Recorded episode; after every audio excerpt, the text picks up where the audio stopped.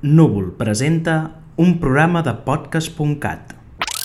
L'Hora Baixa, un podcast de Núvol. Armen sus tropas, señoritas. Que ha llegado la Marina.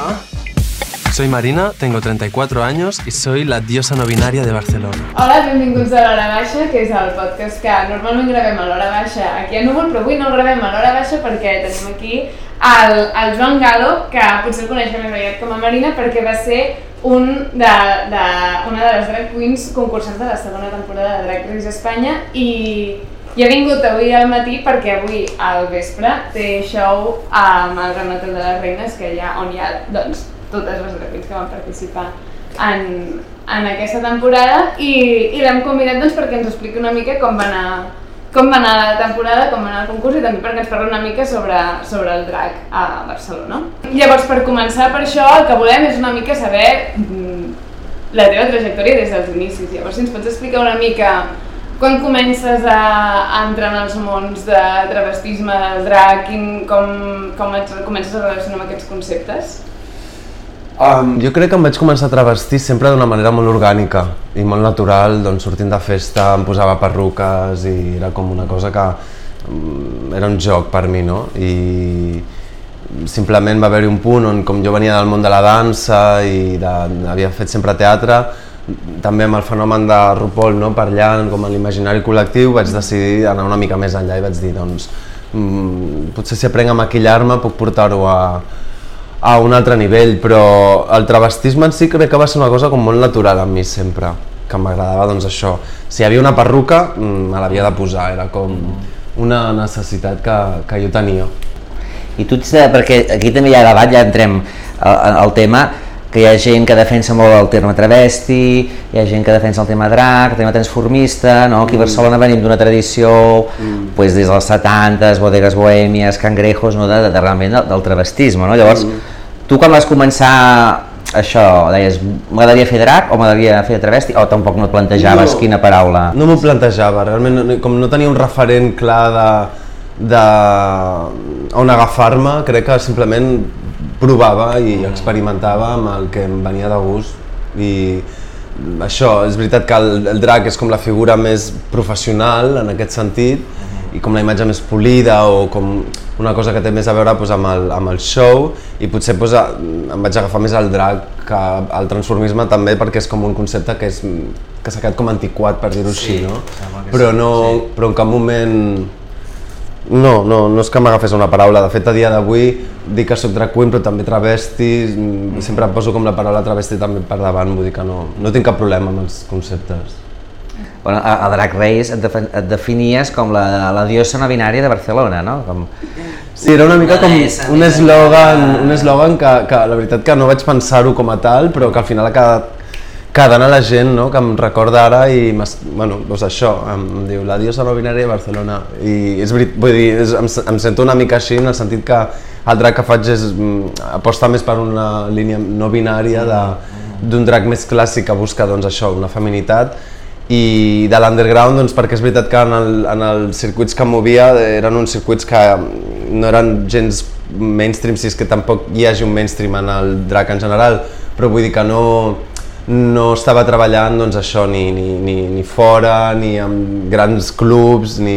era tot quedava molt reduït doncs, a, a, a, a lo local, no? a Barcelona, en els bars doncs, del, del, del Raval, eh, el Candy Darling va ser on vaig començar realment a treballar de manera fixa com a drac, però abans d'això doncs, simplement cada oportunitat que sortia doncs, eren events eh, molt, bueno, molt underground perquè era el, només hi havia allò no? en, en aquell moment.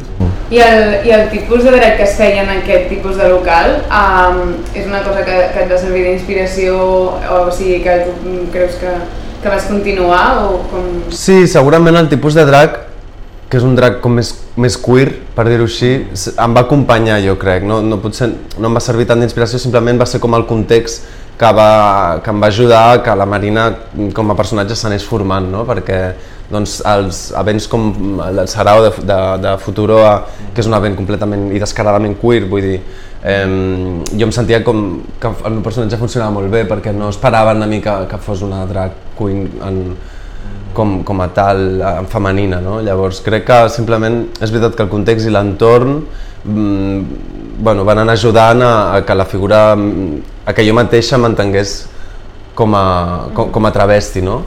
I a nivell de, de, de bars i d'activitats i així de Barcelona, des de que vas començar, o sigui, fins ara ha canviat d'alguna manera, perquè és evident que dintre de, de l'imaginari col·lectiu el món drac sí que cada cop és, és més mainstream i d'això ja, ja en parlarem més endavant, mm. però a nivell d'activitats, diguéssim, i de locals i el tipus de drac que s'hi fa aquí a Barcelona, creus que ha canviat? Crec que des del moment que jo vaig començar eh, sí ha canviat en el sentit en el que i, i, i s'han assentat una mica més doncs, aquestes festes i, i el públic doncs això és com que, com que cada cop hi ha més dracs la gent eh, cada cop té més ganes de veure i de formar part del circuit però al final com els punts on es fa drac i els events crec que mm, clar, ara porto un temps mig desconnectat de Barcelona però diria que són els mateixos que quan vaig començar almenys en, en, en aquell punt Clar, jo t'havia vist això en el Candy Darling i fent aquest número que ara en parlarem també, perquè tu vens de la comunicació audiovisual, no? I un, uh, fent lip-sync i playback en pel·lícules i amb també tenint atrets o i props i un diari, una llanterna, sempre, jo crec que ara que la posada en escena que has fet tu com a drac sempre, o que fas com a drac o com a travesti, tens molt en compte tot el que intervé, no? la posada en escena, mm. l'espai, l'estuari, els, els objectes, i, mm. i llavors això també ve d'haver estudiat comunicació visual o com relaciones el tema faceta perquè també has fet de realitzador i mm. has dirigit coses, com, com s'uneix una cosa amb l'altra? Doncs jo crec que s'uneix d'una manera molt natural perquè és el que sempre he fet. Com jo vaig començar a dirigir i vinc d'això, del món audiovisual, he treballat també com a fotògraf, com a director en el món de la publicitat, he fet coses de cine, el videoclip. També és algo que comporto molt dins perquè és pràcticament el que sempre he fet, el que vaig estudiar, doncs eh, en el moment en què em poso a fer de, començo a treballar com a drac, eh, sorgeix, doncs, poso tots els recursos que tinc a, a disposició no? I, i, i dic, bueno, doncs no és només fer un lip-sync, potser cal tenir en compte també doncs això, si tinc una pantalla darrere, doncs tinguem-la en compte o, o la, la posada en escena, com tu dius, no? doncs, eh, i també perquè el cinema per mi segurament sigui la font d'inspiració eh, principal de, de tot el que faig, no? sempre com que de manera involuntària connecto en seguida amb pel·lis o escenes que, que he vist i que, que en el seu moment m'han emocionat i, i per tant doncs això ho poso sempre sobre la taula quan, ho tinc en compte quan he de, de crear una posada en escena. Uh -huh. I en el moment en el que, en el que barreges tantes coses, o sigui, això, tens en compte referents culturals de cine, no sé què, també, a, fas un tipus que, com hem dit, cada cop, bueno, tant tu com molta altra gent aquí a Barcelona, que cada cop és més queer. Um, llavors, aquest, vull dir, en el moment en el que el drac surt del típic uh, molt feminitzat i molt mm, cap al lip-sync, etc., um, com defineixes llavors el drac ara? Que inclou tantes coses i que ha canviat tant? Jo crec que eh, avui en dia estem vivint com aquesta explosió del drac com, a, com una, un mitjà d'expressió i té, és molt divers, no? No, no hi ha una manera única de fer drac. Crec que el drac és experimentar amb la teva pròpia imatge i que a partir d'aquí doncs, pots jugar amb, anar aquest, doncs això, més cap a la feminitat o buscar una androgínia o buscar una monstruositat o buscar una cosa abstracta, no té per què tenir una energia femenina. Sí que és veritat que, òbviament, quan, quan has nascut com a home i fas drag queen, et vas a buscar aquesta feminitat, no? perquè per algú és com drag queen, vull dir, a mi també m'interessa com que sempre la, la meva feina estigui connectada amb aquesta feminitat perquè va ser com vaig començar però a partir d'aquí hi ha molta gent que simplement ho comença a fer buscant doncs, això, una, una imatge de fantasia, no? de, de monstre, de fada, de, de qualsevol ente no té per què tenir una més forma. Més enllà de la realitat. No? Més enllà del gènere, inclús, no? Com no, no té per què dibuixar un gènere concret. Hem despullats, no? i la resta és drac, vull dir que tots Exacte. quan ens vestim al matí triem si ens posem aquesta samarreta o aquesta camisa també estem triant com, com, mm. com performem no? com, a, com a personatges. Mm. I, com, I com li dones coherència llavors al teu drac? Com li dono coherència al meu drac? Um, doncs jo crec que simplement fent les coses que em, em venen de gust fer. Mm, doncs ara mateix que estic fent l'espectacle de, en el Gran Hotel, um, bueno, és un show que òbviament li vaig donar bastantes voltes perquè era un show que havíem de fer, s'ha de fer durant molts mesos i havia de ser algo que realment digués, em vindrà de gust fer això durant molt de temps, repetir-ho, repetir-ho i que no em cansi, no? Llavors, um, la manera en què li he donat coherència a aquest show ha sigut doncs, eh, agafant molts referents i juntant-los i fent com un mix de, de tot el que m'agrada, eh, sobretot això perquè és una cosa que he de repetir moltes vegades i, i m'ha d'ajudar a connectar-me, no? llavors és això, em connecto doncs, a través de les coses que com a tots no? ens agraden. Uh -huh. Crec que és la manera en què el meu drac és coherent, com buscant allà on, on, on, on m'ha inspirat, una pel·li que he vist o una, una música que sempre m'emociona. Crec que és important això. Ara en parlarem perquè ara, clar, el Gran Hotel de les Reines és l'espectacle que ara està a Barcelona al Coliseum, que està girant per tota Espanya i que esteu fent i fareu durant mesos, mm.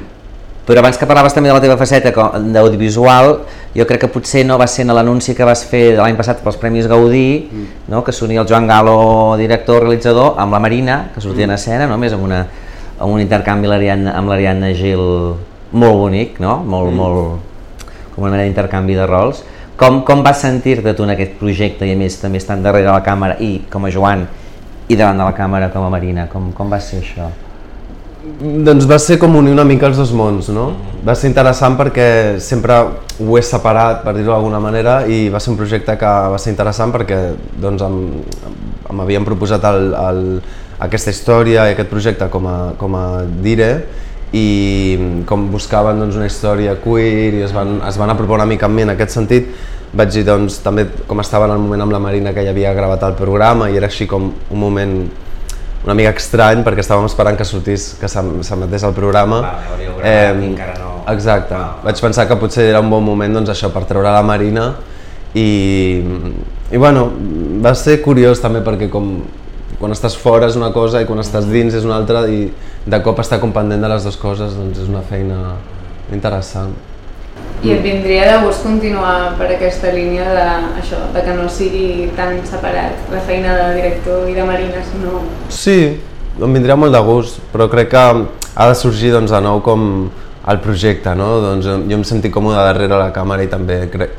En aquest cas el personatge em venia, em venia bé, com que penso que que podia fer-lo bé, però també, per exemple, a vegades mm, m'imagino com dirigint a, a, les meves companyes, no? inclús com em venen ganes de dirigir, però, però potser sense, incl sense in, incloure, in, incloure'm. Mm -hmm. eh, llavors, no sé, crec que depèn de, del moment i del projecte. Mm -hmm. um, no, dic, digues, dic que estem parlant de, de Drag Race i tal, i potser hi ha gent que ens veu que no sap de què estem parlant, i ara jo crec que podem passar ja aquest pas del, no sé si tu ho veus així, però una mica de l'underground, dels bars del Raval de Barna a, al mainstream, que és estar en una franquícia, perquè en el fons és una franquícia, el RuPaul Drag Race és un programa de televisió que porta com 15 temporades als Estats Units, ara farà la 15. Mm. RuPaul, una de les drag queens més icòniques eh, dels Estats Units i del món, no? que als anys 80 va saber, 80-90, com fer, fer el pas també una mica, no? de, de passar de, de a més, ella venia d'una cosa molt genderfuck, de, de fer una cosa a prop del punk, a ser un personatge públic, fer videoclips, presentar programes, i llavors el RuPaul Drag Race, per mi és el talent show definitiu, i jo sempre ho dic a tota la gent de teatre, que, que, que si estudien teatres escèniques, que ho han de veure per força obligatòriament, perquè clar, uneix els talents de les drag queens que pot ser tant cantar, ballar, interpretar, fer vestits, i llavors veus tot el ventall també que hi ha dins del drac, no? hi ha gent que és més actriu, hi ha gent que és més humorista, hi ha gent que és més ballarina, hi ha gent que és molt de lux, mm. i després aquest, aquest Drag Race, després de fer moltes temporades als Estats Units, doncs n'ha fet, n'està fent a Regne Unit, a França, a Itàlia, a Filipines, ara en faran també, a Holanda n'han fet, bueno, és increïble. I aquí a Espanya es va fer una temporada i a la segona temporada va aparèixer la Marina. I llavors, Tu suposo, no sé si eres molt fan, molt espectador de Drag Race i com va ser el de dir, em presento i pam, m'agafen, no? Com va, com va ser aquest procés? Doncs mira, va ser que no m'ho vaig pensar massa, la veritat, perquè crec que si m'ho hagués pensat yeah. una mica més no hi hagués anat. Yeah. No, en el sentit en el que mm, d'entrada el tema del reality i la televisió no és una que yeah. així com em sorgeixi d'una manera que digui sí, sí, està fet per mi. Mm -hmm però mm, em semblava al mateix temps divertit perquè el programa és divertit i això com tu dius toca doncs, moltes coses i, i va ser un moment a la meva vida que estava així com que no acabava de, de... Bueno, estava com treballant al Candy, llavors vaig pensar, estava com molt, fent molt de drac en aquell moment i realment en l'últim any vaig sentir que havia crescut molt a, a, com la, la, el personatge de Marina, no? com que realment s'havia creat i havia agafat d'una forma um, interessant i vaig dir doncs potser és el moment ara no? I, i va ser així, una mica com em vaig tirar a la, a la piscina per la pròpia experiència, vaig dir, per què no? I un cop estàs allà dins, a la, a la workroom, allà al taller, i veus tot el muntatge i tot, clar, sempre des de casa penses, vull dir, ja, jo crec que està bé de, de, del Drag Race que en el fons no és tan reality, és un talent show, aquí el que es valora els talents, passa que es fa aquests moments de taller mentre et maquilles, et vesteixes, que no se sap mai si ells incentiven que hi hagi una mica de, de jaleo, de sarau, o com, com és això, la relació entre, entre les reines mentre això es prepara, no?, fent vestits, o com és des de dins?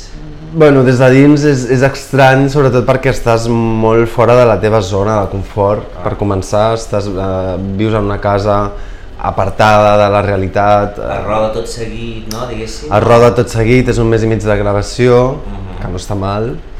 I llavors, clar, tot agafa una, una, un, una importància quan estàs allà, com que estàs una mica, doncs, que tot és, es fa com molt gran, no? És, és un microunivers que creen una mica per tu. És com estar de colònies sí, o de rodatge. Càmeres ah, i... Ah. Sí, no, és interessant perquè la tele té un llenguatge que és molt, molt específic, no? Vull dir, és, és, és el llenguatge de la tele. Um, bé, jo, jo sento que he pres bastant, de fet, com més, més quasi diria en lo personal que en, que en lo professional, de coses de, de mi que no, ni, ni, ni, ni sabia o almenys no tenia de... Després quan et veus des de fora, doncs això és com un aprenentatge. Ah. Sí. Perquè això que dius que la tele té, té el seu propi llenguatge, um, és una cosa que des de dins tu estaves pensant perquè altres, altres de queens de, de la temporada es nota molt que, per, mm. que anaven com amb la idea de, mm. de fer una mica de show, vull dir, estic pensant a, a, a fer xurigi, pues, com pot ser el més, el més mm. pacífic, però vull dir, però moltes, però hi ha moltes més que es nota molt que anaven a, a, això, pues a fer la part més performàtica, diguéssim, fins i tot dintre de... Bueno, la, la Samantha Valentines o l'Estrella, que també són molt explosives, sí. molt expansives. En canvi, se't veia amb una, amb una mentalitat com molt professional fins i tot, no? Quan anaves a treballar. Sí, jo estava com entre molt professional i, i molt a la meva bola, com, com molt tranqui, o sigui, no, no, jo no estava... A mi a vegades se m'oblidava que hi havia càmeres, saps? Mm -hmm. I i crec que mm, això no, no, no estava fent el show en el taller, jo, per mi era com molt eh, bueno, estic aquí a veure què, què està passant i després sí que la passarel·la òbviament és com, jo sempre, bueno això és l'escenari i per tant allà sí, no? el que vingui farem el show però fora d'allà és veritat que jo no, no, no estava pendent de, no estava pensant en bueno, sigues com més simpàtica o fes més el show o, o aquí pots és com que ho vas entenent, jo almenys em va passar a mesura que anàvem passant els, els capítols que havies de fer doncs això, una mica més la pallassa. Eh, Potser és el que ens passa als catalans i a les catalanes, que primer com la catalana, la freda, sí, la cerebral, sí. la intel·lectual, i amb el temps no, també les altres reines sí. van dir, bueno, jo em vaig veure molt catalana, és veritat. Sí, és com bueno, que és, un, és, és, freda, és com el típic que, sí, això que has dit de, dels catalans, no? que tenim com al principi que ens costa una mica més ah. i després un cop agafem confiança ens obrim.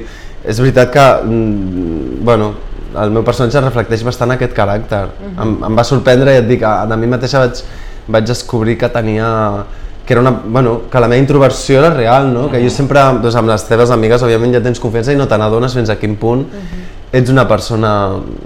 Bueno, tots tenim un punt d'introversió i d'extroversió, no? però és veritat que jo tendeixo una mica més a, a això, a anar a poc a poc. poc a poc. I clar, arribes allà i totes cridant i, ah, i cadascuna diu la seva i de cop una te suelta el que sea i tu estàs allà com Bueno, més reunir 12, 12 reines, 12 egos, Clar, no? com és com reunir 12 actors. La pressió, la pròpia pressió del programa, que estàs allà, que estàs com molt concentrada. Personalitats molt fortes i molt, no? que tothom vol brillar o vol... Clar, sí, sí, és, és estrany al principi. Bueno, l'estrella no, no és d'aquí però sí que viu per aquí, mm, penso. Mm, vas fer vincle en aquest sentit, de, de, no sé si us coneixia o...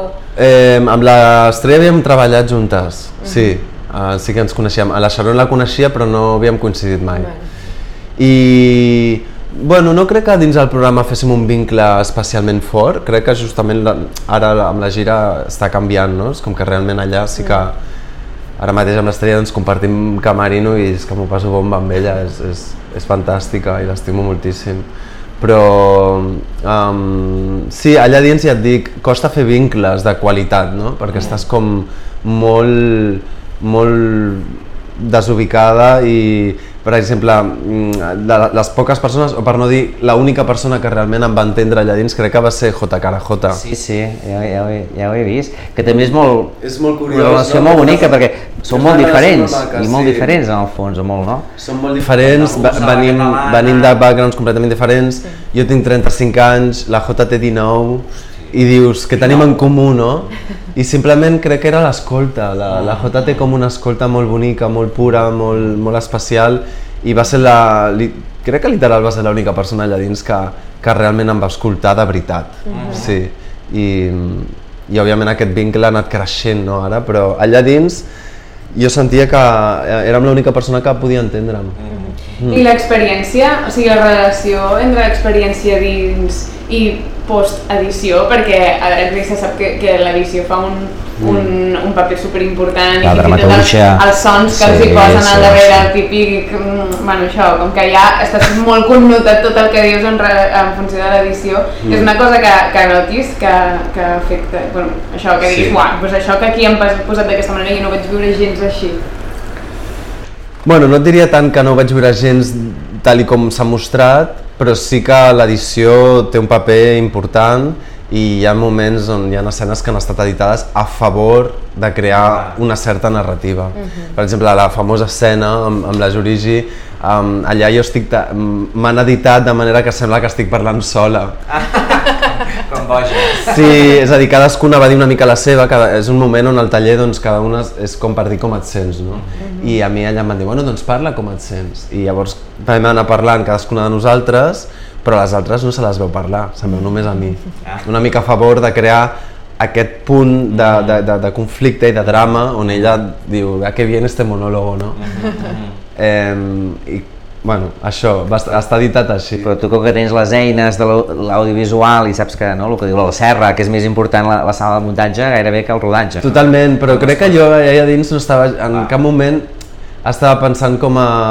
Podria haver anat una mica més enllà, crec que és com l'única que tampoc, òbviament no, no, no me'n penedeixo de res, mm, ni canviaria res, perquè crec que he sigut molt jo i em quedo amb això, no? però sí que potser podria haver estat una mica com més, més en el cap de d'aquest llenguatge televisiu, no? Crec que, ja et dic, a mi se m'oblidava que, Que estava, que estava a la tele, sí, era com molt estar com allà i a veure què passava. I relacionat amb la teva proposta allà, uh, creus que um, a, nivell, a nivell de l'estat espanyol és una cosa que s'entenc, o sigui, perquè la teva proposta de drac és clarament doncs, molt, té molt referent, és molt cerebral, hi ha molt, no? Vull dir, molt intel·lectual, etc. I, I a vegades és una cosa que no sé si t'havien dit ben bé així, però bueno, que a vegades en relació a les propostes de les altres drag queens de la temporada, doncs era, es notava molt diferent, que això potser als Estats Units és una cosa que, jo què sé, tothom sap qui és la la Sasha Velour, no? Vull dir que Mm. hi ha més aquesta cultura i aquí potser, bueno, no ho sé com ho vas viure tu, és una cosa que et vas sentir com compresa en aquest sentit? Ah, és una pregunta mm, interessant. Eh, a vegades no m'he sentit molt compresa, és veritat. No. O sigui, um, crec que potser el meu drac allà dins, en alguns punts, no s'ha entès. O no s'ha entès com jo esperava que s'hauria d'entendre. Eh, perquè és veritat que jo ho faig tot molt des d'un punt de concepte i d'explicar...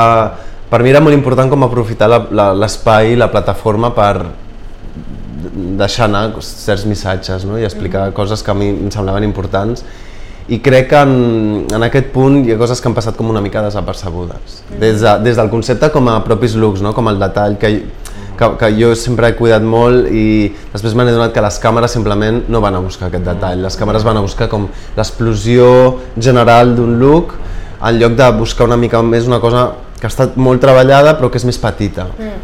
Em pots donar algun exemple d'això? Doncs mira, per exemple, el look d'Almodóvar, que era un look molt bonic, que estava, tenia les sabates de... de m'havien fet el taló de la pistola, que al mateix temps era un homenatge al pòster de Tacones Lejanos, o sigui, era un, era un look molt al, almodovariano en el sentit en el que agafava un personatge i li donava la volta, i no només això, sinó que manava també una altra pel·lícula amb el, aquest, el pòster mític de Juan Gatti de Tacones Lejanos, que em, em sembla una meravella, i que és com el tacó més famós no, d'Almodóvar, que és aquella pistola. Eh, això no es veu. O sigui, el, tac, el tacó en cap moment es veu. I així com altres reines van ser més òbvies, diguéssim, de fer de Carmen Maura a Mujeres al borde o tal, tu vas fer de fet un personatge que també es transvesteix a dins de la piel que habito, que al final Sí, és un personatge masculí, el vaig agafar i li, i li, el vaig, i li, i li vaig canviar el gènere, per dir-ho així. Eh, és veritat que el meu drac és, en aquest sentit, una mica... Va més enllà, però també és veritat que a vegades es passa d'anar més enllà. Crec, per lo que és Drag Race, en el sentit de que és molt rocambolès, una mica... Com que sóc una mica mm, com es, recargolada, no? Com que li dono voltes a les coses. És, és com em surt, no. llavors està bé, perquè és, és, per mi és la manera natural de fer les coses. Però és veritat que de vegades la, la càmera no, no agafa, no? Com això, però bueno. No, per mi un, de, un dels looks icònics dels molts que, que, va, que vas tenir durant el, el Drag Race i a més com a reivindicació, com a història política, és el moment Ocanya, no? I posar l'Ocanya a la passarel·la d'aquesta mm, franquícia internacional i d'usual perquè gent a tot el món descobreixi qui era l'Ocanya o què va fer i això homenatjant no? amb el vestit de flors, el barret, baixant per les Rambles, no? com es veu a, a la, la pel·li d'Aventura Pons o, bueno, la vida de l'Ocanya i llavors ensenyant, no? aixecant la faldilla, això jo crec que és un dels moments més icònics no? de Drag Race, a la versió espanyola sinó internacional, no? perquè també sempre el RuPaul eh, els hi diu la importància de la història i deu saber d'on venim i tal, no? que hi ha dracs joves que tenen 20 anyets que no saben res, no? i com va ser i la tria de dir fareu canya i, i fins, al, fins al final, com, com va anar Doncs, això? um, ho he parlat en algunes entrevistes, això, perquè realment probablement és el moment més emocionant que vaig viure en el programa i l'elecció de la passarel·la va ser una espècie de com una espècie de possessió, mm. quasi diria, de, de, de l'Eucanya, no? perquè recordo llegir la temàtica i vaig tenir-ho claríssim. Probablement va ser la passarel·la que vaig tenir més clara des del primer moment. Vaig llegir Reina de mi ciutat i, i va ser com... Vale, em va venir com tot aquest imaginari del moment que jo vaig veure la pel·lícula de retrat intermitent d'Aventura Pons, on, on realment em va impactar molt la figura d'Ocanya en el seu dia. T'estic parlant, doncs, potser fa 10 anys o, o més que vaig veure la peli i, i aquella escena en, en concret eh, em va generar com una espècie de debat intern segurament, o sigui, realment em va, em va provocar algo en mi a nivell personal i tenia ganes d'agafar aquella emoció que em, que em va donar en el seu dia i, i portar-la a la passarel·la, no? és a dir, la figura de l'Ocanya baixant per les Rambles, amb aquella elegància però al mateix temps amb aquell, amb aquell esperit transgressor que ell tenia i que a més ell ho deia, no? que, que li agradava provocar en, en, en, en les Rambles, en el que és les Rambles de Barcelona plena de gent, de nens, de nenes, de senyores grans i ella baixant per formar aquella espècie de figura femenina dels anys 30 doncs és que a mi em va explotar el cervell quan vaig veure allò no? I, i llavors vaig veure Reina de mi ciutat i ho vaig tenir claríssim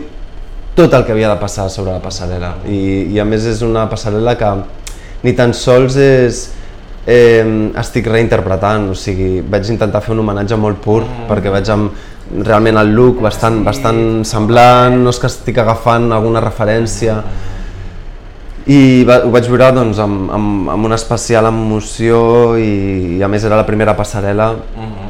i va ser, va ser increïble. I a més també vas fer, em sembla, no? sessió de fotos aquí a la Rambla, a Barcelona, mm. ja després o... Flores, uh -huh. que també doncs, va ser com una, un, un, un viatge que, que el vaig completar amb ell, no? perquè l'Isaac és un fotògraf que, que bueno, és, crec que és molt important en el panorama que tenim ara mateix queer a Barcelona i a Espanya perquè fa fotos a moltes altres travestis de, de l'estat no? I, i també ho tenia de nou claríssim no? que havia de ser l'Isaac no sé, no sé si has vist l'espectacle Ocanya, reina de les Rambles, no no del Marc Rossí, amb, amb el Joan Vázquez, que està estupendo, i el Marc Sambola a la guitarra, mm. que l'han girat molt per llocs petits, grans, està superbé. L'havien fet a Alemanya, amb un actor alemany a Berlín, i, wow. i està molt perquè és, és, espectacle, concert teatralitzat sobre l'Ocanya, la seva vida i, i si, el- si el- l'enganxes por ahí, vés que, que t'agradarà. M'agradaria veure'l, superbé. sí. Ocanya, Reina de les Rambles. La- L'única proposta com així una mica de part reivindicativa que vas fer, no? Vull dir, vas tenir moltes, molts looks que tenien una part com molt, amb molt missatge polític al darrere. Mm. Ah, és que ara estic pensant, per exemple, en el, de, en el del el talent show. Al final del talent show no tenia una part de... No sé si, si pots parlar una mica de és- com vas pensar, perquè tot, o sigui, el talent show aquest, de fet, o sigui... Bueno, va ser espectacular. Va ser espectacular. Estava la gent així, No, no. no, de casa de cridar. Aquest talent show va ser espectacular i va demostrar el nivell que hi havia a la segona temporada, que els de la primera ens agraden molt, però aquest nivell, que tots els números van ser espectaculars, i el teu també, això, jo volia preguntar-te, a nivell de posar en escena, coreografia, els aros aquells de llum, tot això ho vas dirigir tu, jo entenc, o com va això? Perquè... No, la veritat és que en, el, en el programa és, dif és difícil tenir veu a aquest nivell com va dirigir la posada en escena eh, perquè hi ha en aquest cas una persona que, que s'encarregava del talent show i que bueno, s'encarregava doncs, que cadascuna tinguéssim doncs, uns props, algunes més, algunes menys, però que cadascuna tingués com una proposta. I en aquest cas ella em va proposar els alts de llum, el qual, ok, vull dir, també és, eh, penseu que el ritme és molt trepidant allà dins. I un cop entres doncs tot és com, al dia tens com mil coses a fer i en el cas del talent show quasi no vam tenir ni temps per assajar amb els ballarins, vam, jo recordo vaig tenir una, una hora al matí per muntar el tango i bueno, m'agradava la idea de, fer, de portar el tango també perquè després doncs, sabia que volia treure el personatge argentí, tinc com aquests referents també com argentins por ahí, i havia ballat tango mm, perquè vinc del món del ball de saló i també doncs, això em feia il·lusió treure-ho. Abans de la dansa i Vinc- nota i també era profundat, no? El que... Sí, llavors bé, va ser com treure això, treure el tango, vaig, es- vaig escriure aquesta cançó com que parlava doncs, d'aquest- d'aquesta experiència que vaig viure a Barcelona doncs, el dia de, de l'orgull, eh, quan estàvem la, just en la pandèmia que s'havien cancel·lat molts, molts dels events, vaig anar una mica doncs, com un acte simbòlic a la plaça Universitat i, i vaig anar doncs, amb calces i muntada però amb calces i, i bueno, de cop va aparèixer la policia, em volien denunciar perquè bueno, doncs, ja m'estaven posant com en aquesta cosa de, del cos travestis prohibit, no? quan a la plaça hi havia com, com nois, skaters, eh, Ja. amb torso desnudo, doncs allà, i no passava res, llavors em va, em va cridar l'atenció això, no? va, va ser com, ah, mm, què passa que jo de cop No pel- puc anar- no puc anar com vells quan se suposa que mm, per, per lo que us convé tinc el mat soc, soc un noi, Soc el mateix, però ara no ja. sóc noi, no? Perquè és, vaig muntada, llavors, no sé, em, simplement em va, fa, em va, em va cridar l'atenció això i, i vaig treure aquesta història i vaig com escriure aquesta cançó que és amb la que tanco el talent. Mm. Un altre look icònic també, i també referència a Barcelona, concretament, era el vestit no, amb, amb, amb, la quadrícula de l'Eixample, la Diagonal, la Torre Akbar, les crestes no, de la Casa de les Punxes, que per exemple la Sharon va fer aquest look que era ara que no hi és, una mica hortera, però bueno, que això, el trencadí, va caure més amb el tòpic del trencadís de Gaudí, els colors, i tu, en canvi va ser una cosa més conceptual i també allà mateix em sembla que deies que, no, que potser no ho havien acabat d'entendre o de veure bé, no? Perquè, o potser havies de ser molt de Barcelona per veure que allò era literalment el plànol de Barcelona i la diagonal no? sobre el vestit. Crec que allà van passar dues coses. Per una banda, el, el look no va ser el que, jo, el que jo tenia al cap exactament, i per altra, crec que allà es va viure eh, i es va veure perfectament una mica la centralització que hi ha Sí. amb el tema de Madrid, perquè si hagués fet una cosa semblant amb una, amb una inspiració de Madrid, segurament s'hagués entès, però de cop la Torre Akbar no sabien el que era, la Casa de les Punxes mm, no van entendre que allò simbolitzava la Casa de les Punxes, la, la, i em sembla com també curiós, no? Com cada cop... mm, Bueno, signific, és significatiu, no? també Sí. sí. de, de, Sí, dona- i a entendre- va ser un look, això, que no es, no es, van, no es va entendre. Bueno, però funcionava igualment també. A Sí. nivell estètica, des d'allò que qui ho pilli, ho Sí, pilla sí, sí, i exacte. no, no. La gent de Barcelona, probablement. Mhm. Bueno, bueno. Perquè ara, està ara que t'has mudat a Madrid, creus que hi ha maneres diferents d'entendre el drac allà i aquí?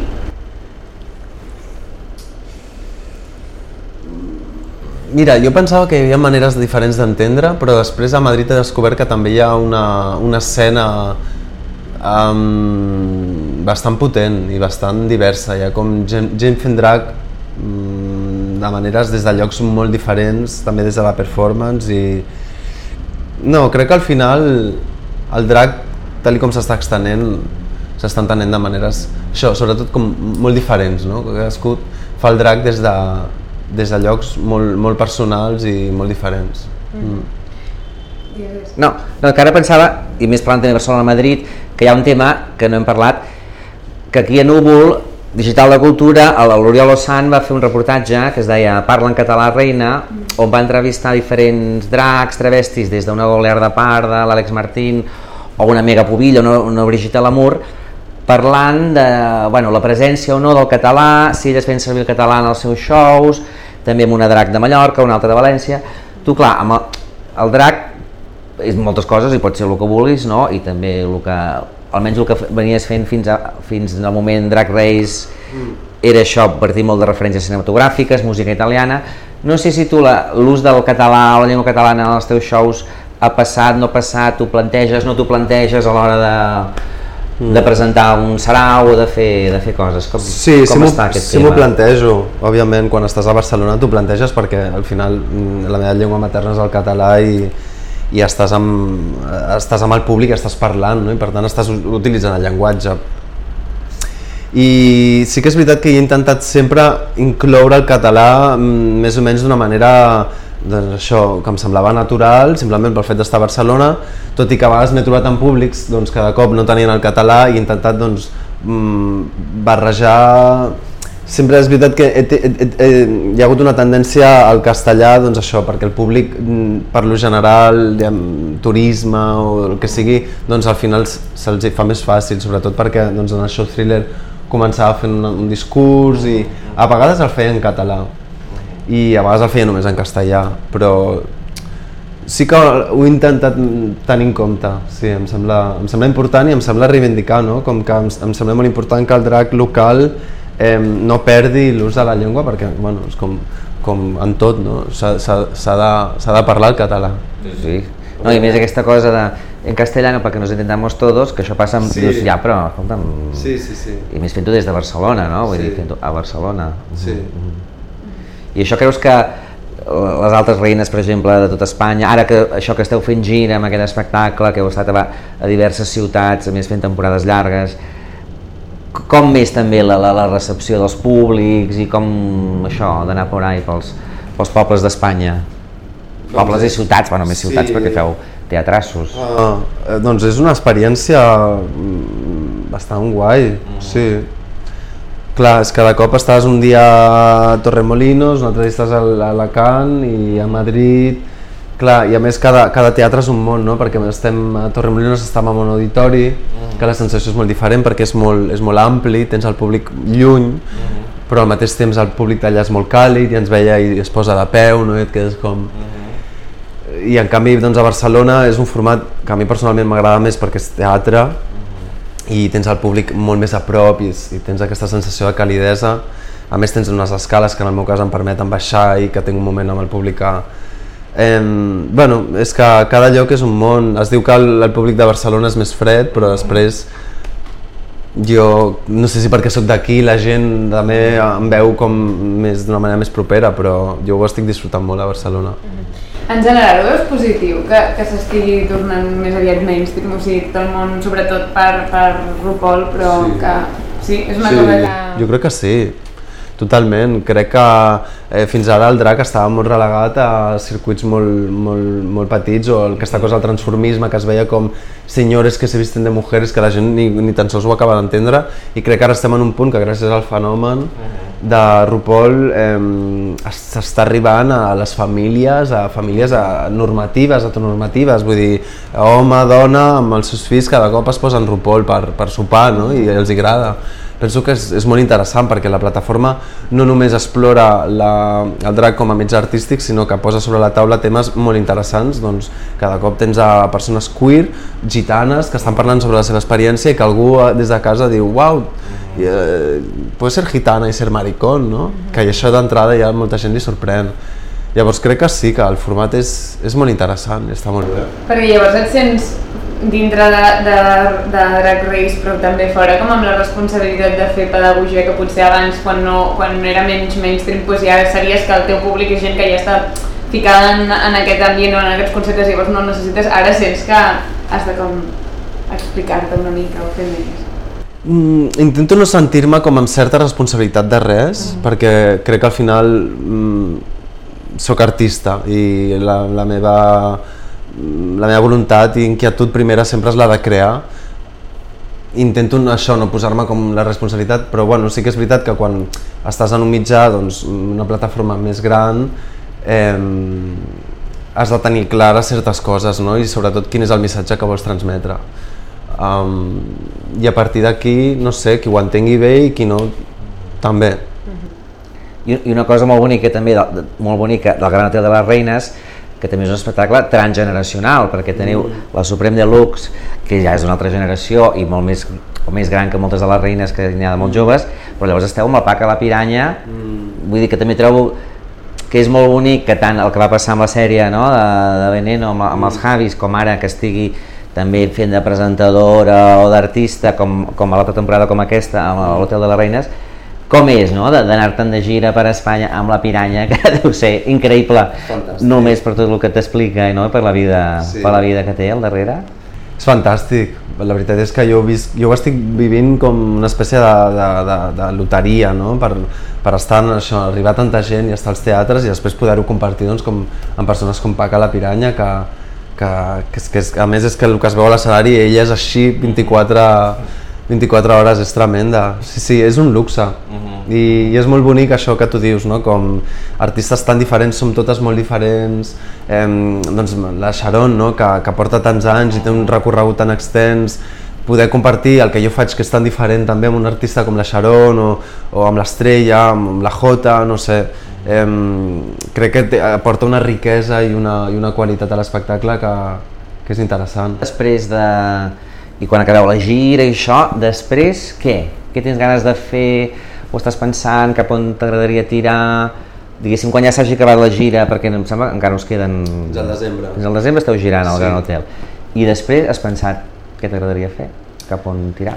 Sí, sí, òbviament ho he pensat, no? Eh, crec que el, el drac, des del principi, des que vaig començar a fer drac, m'ha donat l'oportunitat de fer coses que mai hagués pensat que faria Llavors crec que vull seguir en aquesta línia, no? com vull obrir-me a, a, de cop, doncs, doncs això, el, el drac crec que ens permet fer moda, fer tele, fer cine, fer, pres ser presentadora, vull dir, és que és un mitjà tan ampli que just ara s'està com explorant uh -huh. i s'està explotant en aquest sentit, llavors crec que també vull seguir com deixar-me sorprenent a mi mateixa, no? No posar, no dir, no, vull fer només això, eh, de cop eh, també m'agradaria com connectar-me amb el que era el transformisme d'abans, no? com justament pel que jo faig, que sembla que s'allunya una mica d'això, uh -huh. doncs em ve de gust com anar, anar tornar una mica allò. Però en tot cas m'agradaria m'agradaria pensar que en, en, en un termini més o menys curt podria, podria arribar a muntar algun un show no? Uh -huh. amb, amb la Marina, així que uh -huh. ho anirem veient com a directora, intèrpret... Sí, com a directora, i intèrpret, sí.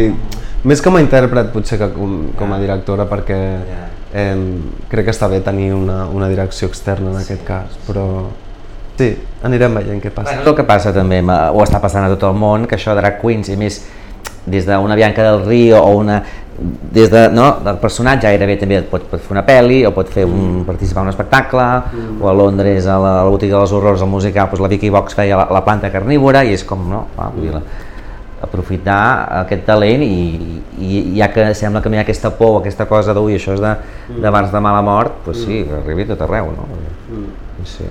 sí, però sense tampoc això, no? El, el, el moment bar al final ha sigut l'escola sí, sí, vull dir que sempre ens quedaran els bars que també estan bé. Estaria bé que, que, els, que els amos dels bars es posessin al nivell i diguéssim, ah, no, el talent que tenim l'hem d'explotar, l'hem de valorar i per tant l'hem de pagar com, com, com es mereix. I més no? és que tindran gent, tindran públic, perquè ara més que mai no, el sí. drac interessa o no? Sí, és, molt més... és, és que la, realment és precària la situació per les artistes drac uh -huh. i crec que això és una cosa que s'ha de tenir en compte. Uh -huh. mm. Molt bé. Molt bé. Doncs, amb això, t'has deixat alguna cosa? Moltes gràcies. T'agradaria afegir alguna cosa, algun... Ai, no ho sé, la veritat és que si no feu pre preguntes em costa molt de pensar ara... petició, un algo, no sé. Doncs, com a petició us diria que, clar, és que això no sé com, quan sortirà, però si no han vingut a veure'ns al Gran Hotel, si no és a Barcelona, doncs que vinguin a veure'ns, que entrin a la web i que vinguin a veure'ns a... Gran Hotel de les Reines. Ara estan al Coliseum, al temple del Coliseum, fantàstic. Molt bé. Molt bé, doncs fins aquí l'hora baixa, hem tingut l'Oriol Puigceré, la Marina i, i a la Laia gravant al darrere de la càmera i moltes gràcies per escoltar-nos. Ella ens descompta el temps.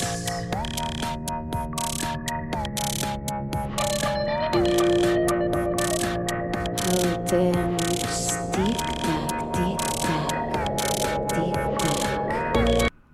Aquest programa està disponible a podcast.cat, una plataforma de núvol.